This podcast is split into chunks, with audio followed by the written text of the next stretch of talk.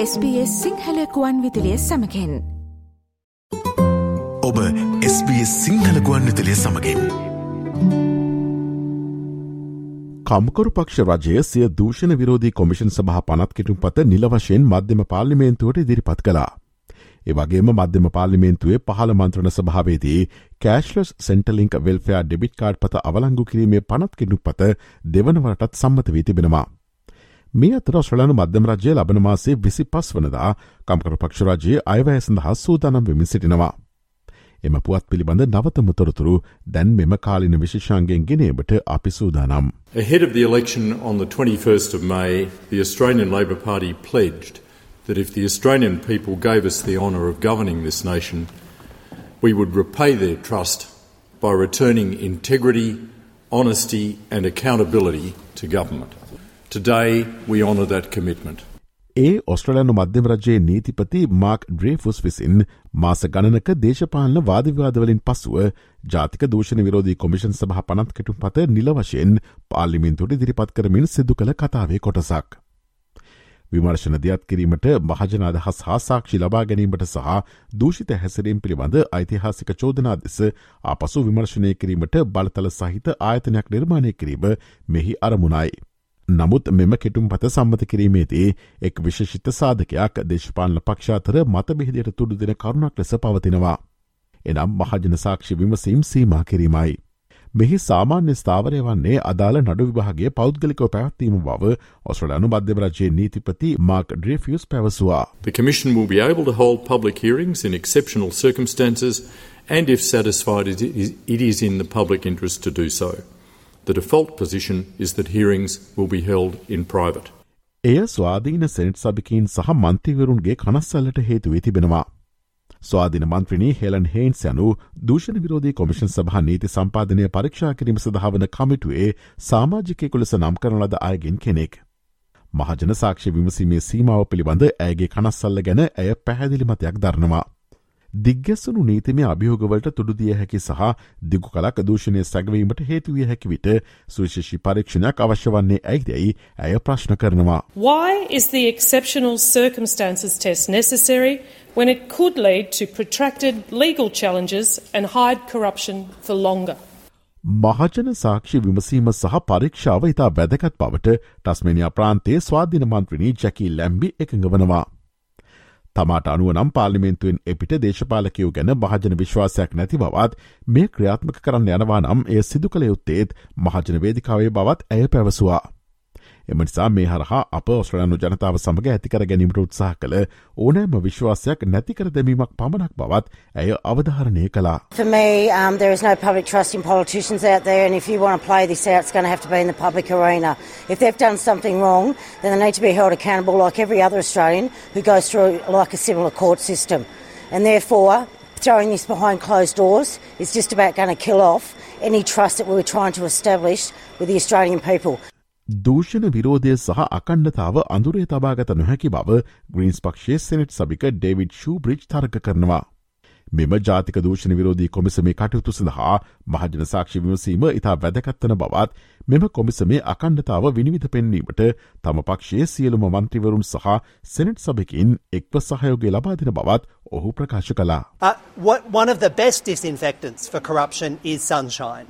Public hearings are critical to the work of this National Anti Corruption Commission. And on behalf of the Greens in the Senate, in the inquiry, we will be working together with this extraordinary bunch of MPs and senators to put as much sunlight as possible into this Anti Corruption Commission.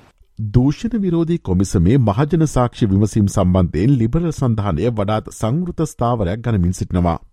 තම පක්ෂය ආණ්ඩුවේ යෝජිත ආකෘතියට සහය දක්වන්න නමුත් අති විශේෂ සැලකිල්ලක් අවශ්‍ය බවට විපක්ෂනායක පීට ඩටන් අනතුරුවඟ වනවා. මෙහි සමතුලිතතාව ඇතිකර ගැනීමට අවශ්‍ය වන අතර මිනිසුන් පසු පස නිමක් නැති ලුහු බැඳීම් සිදුකිරීමට මේ හරහා තමාට අවශ්‍ය නැති බව ඔහු පැවසවා. එය මාධ්‍යයට විටින් විට විවරවන නමුත් මෙයින් පවුල් විනාශ වන අතර එම විවර්ශනයේදී අදාළ පවුල්වල අදහස්ත ඇසිය යුතුයයි තමා සිතන බව විපක්ෂනායක පීට ඩටන් පැහැදිලි කලා.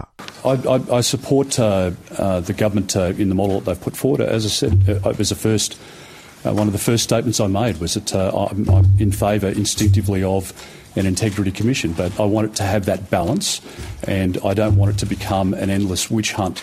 Uh, for people, um, that's you know, I mean, it's salacious on occasion for the media, but uh, families are destroyed out of this, and uh, the families um, are the ones who I think we should hear from in the inquiry. මේ අතර ඔස්ට්‍රලයානු මධ්‍යම රජයේ ලබන මාසේ විසි පස් වනදා කම්කරු පක්ෂ රජයේ අයවැය සඳහා සූදානම් වෙමින් සිටිනවා. මධ්‍යම රජයේ බහන්ඩාගාරික අමාත්‍ය ජිම් චාම සහ මුල්ල ඇමතිනී කේටි ගැලෆ විසින් අවසාන අයවැය ප්‍රතිඵලේ ඩොලබිලින තිස් දෙකක අයවැහැහිගයක් පවතිනු ඇතැයි අදහස් පල කරතිබෙනවා. එය මුලින් පුරෝගතනය කළ ඩොල බිලියන හැත්ත නමේදශම අටක අයවැහැගේට වඩා ඩොල බිලියන හතලිස් අටක් පමණ අඩුවීමක්. එහෙත මධ්‍යම රජයේ මුල්ල කටයුතු සම්බන්ධයෙන් තවමත් විශාල පීඩනයක් පවතින බව බණ්ඩාගාරික අමාත්‍යවරයා පිළිගන්නවා. ලබනමාසේ අයවැය මගින් චෛල්කයා ඖෂධ සහ ටේෆ් උපාදි සඳහාවන වියදම් පියවා ගැනීමට බලාපොරොත්තුවරන බොත් ආණ්ඩුවට ජීවන වියදම් පීඩනය සමනය කළ නොහැකි බව බණ්ඩාගාරික අමාත්‍ය ජිම් චාමස් පවසනවා. මේ අතර පසුගේ ලිබර සඳහන රජය ලබාදුන් ඉන්දන බදු කප්පාදු සහනය ඒ මධ්‍යමරාත්‍රයෙන් අවසන් වනා. එම සහනය මාස හයක් දීර්ඝ කිරීමට පවා අයවැයට ඩොල බිලියන තුනක් පමණ වැෑවන බවත් අයවැය මත දැනටමත් සැලකයුතු පීඩනයක් ඇති බවත් භණ්ඩාගාරිකමාත්‍ය ජිම් චාමර්ස් වැඩිදුරටත් පැවසවා. Even to extend it for six months would cost the budget about $3 billion. There are substantial pressures already on the budget. We've still got around a trillion dollars in gross debt in the budget, and so we can't fund everything that Australians would like us to fund. මේ අතර ඔස්ට්‍රලයානු මධ්‍යම පාර්ලිමේන්තුවේ පහළ මන්ත්‍රණ සභාවේදී කෑශ්ලස් සෙන්ටලින්ක් වෙල්ෆයා debit card පත අවලංගු කිරීමේ පනත් කෙටුම් පත දෙවනවරටත් සම්මත වී තිබෙනවා. ඒ අනු ඔක්තෝබර් හතර වනදා සිට බොහෝ දෙනෙකුට ඔවුන් කැමතිනම් මෙම වැඩස්ට්‍රහණින් ඉවත්වීමට අවසර ලැබෙනු ඇති. එම කාඩ් පත දරන්නාට මත් පැන් සූදු නිෂ්පාදන සහ ඇතැම් ගිෆ් කාඩ් පත් මිලදේ ගැනීම තහනම් කිරීමට නීමිතව තිබූ මතබේධාත්මක ආදායම් කළමනා කරන මෙවලම ඉවත් කිරීම අවලංගු කිරීමේ ක්‍රමය විදිමත් කරනවා. පහළ මන්ත්‍රී මණ්ඩලේ අවසංචන්දය අසූ හතර පණහක් ලෙස ලැබුණු අතර ලිබරල් සඳහනය ඊට විරුද්ධව චන්දය ප්‍රකාශ කලා. ඔස්ට්‍රලයාාවේ නවතම ප්‍රෘති සහ කාලීන තොරතුරු රගත් අපගේ ගුවන් විදිලි විශෂංගවලට සවන්දෙන්ද www.sps.com.tu ෆෝඩ් සිංහල යන අපගේ වෙබ්බඩ වියේ ඉහල තීරුවේ ඇති මාතෘකායන කොටස කලික් කොට කාලීනෙස නම් කොට ඇති වෙබ්පිටුවට පිවිසන්න. SBS SBS SBS SBS SBS SBS Radio like කරන්න ෂයා කරන්න අදහස් ප්‍රකාශ කරන්න SBS සිංහල ෆස්බුක් පිටුව ෆලෝ කරන්න.